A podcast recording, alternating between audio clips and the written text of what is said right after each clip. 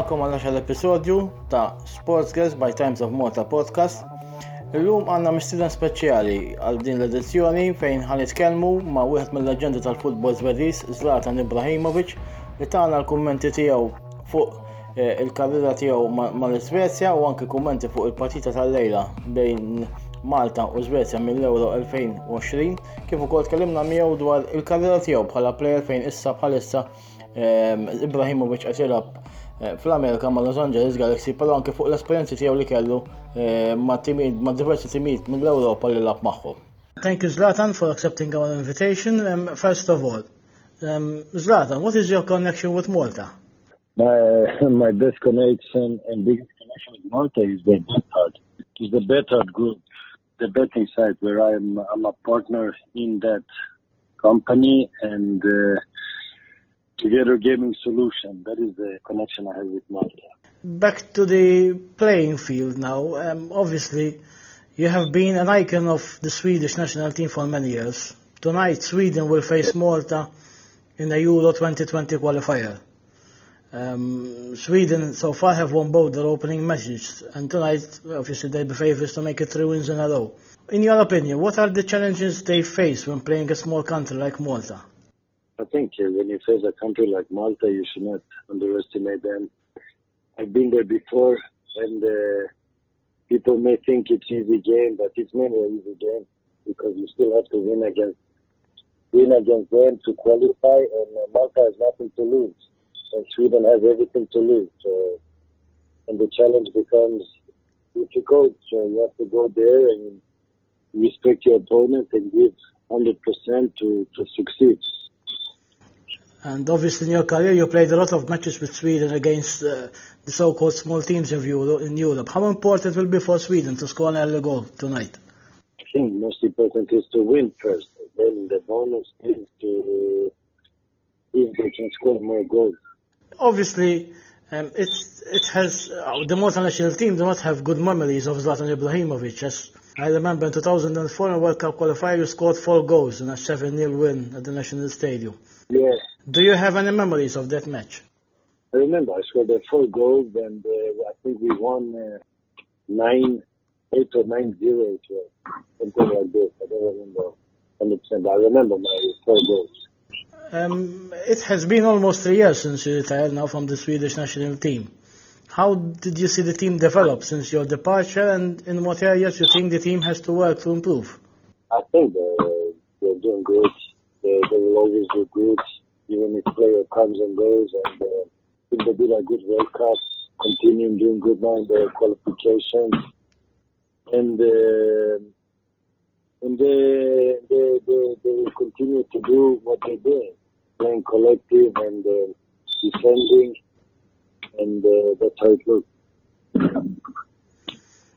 Um, Ajax were the first major club you played for in your career. This year they managed to reach the semi-finals of the Champions League. Were you surprised that you went so far?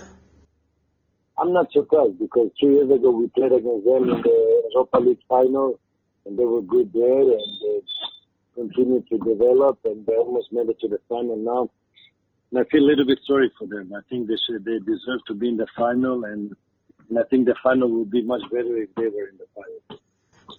But again, they show that the philosophy of promoting youth players has again vin- been vindicated this year. Eh, there is Zlatan. Yeah, this year, but it took them how long? 15 years to show that. So, but, but, So it's not like every year working like that. Mm-hmm. Yes, after after you, you left Ajax, you, you moved to Italy, where you played for Juventus and Inter before joining Milan later on in, in your career. Where do you feel we saw the best Ibrahimovic, and why? I think uh, when I came to Italy, I still had a lot to learn, just like today. But I think I was the most complete when uh, when I joined, when I came over to to Inter. From Inter in front, uh, in front, I felt the most complete. Milan, I would say Milan was my best friend. If you had the chance to go back to Italy, would you go back to Italy? Uh, Italy is like my second home. And I will always remember never forget Italy, what they did for me and for my football career, because that is where everything started for real. And uh, and they made me the one I am. And uh, I played in the three biggest clubs. I was top scorer in two of them, and uh, and I will always have it in my in my heart, Italy. But now to go back as a football player, I don't think. Maybe to do something else. Barcelona, I think, was the only club with whom you struggled to show your talent. A lot has been said on your relationship with, with, with, with the coach Guardiola, but in reality, was that the main reason why we didn't see the best of Ibrahimovic? I think when something is not clicking and not matching, you you try to find something new. That is what happened from his side. He didn't like it, or what he didn't like, I don't know. Still today, I don't know. But it's his problem, not my problem, and I made it easy for him, and I and I changed club. So that is how it.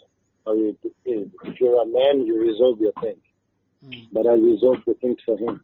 But then you moved to Paris Saint-Germain and, uh, uh, in my opinion, you were the catalyst behind the team's domination in the French League One. You, uh, the fans loved you, the club loved you. What was the secret of your success in France? I think just doing my best, being myself, and uh, and uh, come with the right mentality to to build up PSG and to to make it a winning machine. Since you left Paris Saint-Germain, they, they are still struggling to gain success in European football. Why do you think they're finding so, so, so much difficulty making a breakthrough in European competitions? This year they were eliminated with Manchester United despite winning at Old Trafford, which is not easy. I think uh, I think it takes a lot of years to to get that experience in to Europe. A good example is uh, is Chelsea. When Abramovich took over Chelsea, it took many years to be successful in Europe. It's the same thing now. They they bought a lot of players, have a big project, but still in Europe is not like what people expect it to be. So it takes time, experience, and yeah, to build up this thing. Your last club in Europe was Manchester United, where you worked with uh, your friend, Jose Mourinho. Unfortunately, an injury ended your career in England, but obviously, what, what do you think were, how do you rate your experience in England and uh, do you regret that it ended that way? I had a fantastic time in England. I mean, people were talking like I did everything, but I never did it in England. Then I came to England and I did exactly what I've done everywhere else. And um, I played almost the whole season. Was missing one month or five weeks, and then I got injured, unfortunately. But my my time in England was beautiful, fantastic, and uh, was very successful. I got three trophies, and uh, as long as I could play, I did I did what I'm what I always have done. Since your departure, United are struggling to, to restore their place among the top teams in England. What, what do you think they are finding life so difficult now to put themselves among the best teams in England? I think you have to keep up with uh, bringing in players that keeps high level and have players that keep high level and keep going like that. Because I think before I came, United was struggling a couple of years, was not among the top. Then when they brought in Mourinho and a couple of players, we managed to win three trophies, but then you have to keep going. And I think they didn't keep going with that. And yes, the other teams, they they get stronger and stronger and they, they cannot keep up with them. Summer, it, it looks like they're going to take the road of trying to bring in young players and develop young players. Do you think that's the way forward for them? I think it's a combination with experience and bringing young players. That is the mix you need to have. Um, now back to what you're doing now. You are in your second season at LA, uh, at LA Galaxy. Um, are you enjoying your time in, at the, in the MLS? I have a good time. I mean, I'm back from my injury and doing my second season, and I didn't have any complication with my injury, which is the most important. And now when I'm playing, I'm enjoying because I do what I love, and that is playing football. How do you judge the MLS in terms of competitivity? Uh, which aspects of the league you like most, and in- which areas you think the MLS can still develop? I think it's developing. It's not Europe, obviously. I think the, the big distance from Europe in quality and level. But he's going and he's a progress and uh, it's fun to be here to play and I get to show myself and uh, and at the same time I enjoy it. So, but it's in a progress step by step. How important is it to have players like you, like Wayne Rooney, playing playing in America for the image of the game? How important it is, I don't know. I mean, uh, obviously you have to come here and show the who you are and uh, like that you keep the level. I didn't come here because I'm Ibrahimovic. I came here because I want to win and uh, bring out results. That is the most important. And uh, for them to be seen with these players it becomes global because that is what they want. They want the, the competition, the MLS to be seen in the whole world. And with these players, you get to be seen in the whole world. At the moment, Galaxy are trailing LAFC. Do you think there is a big gap, there is a big gap in terms of quality between the two teams?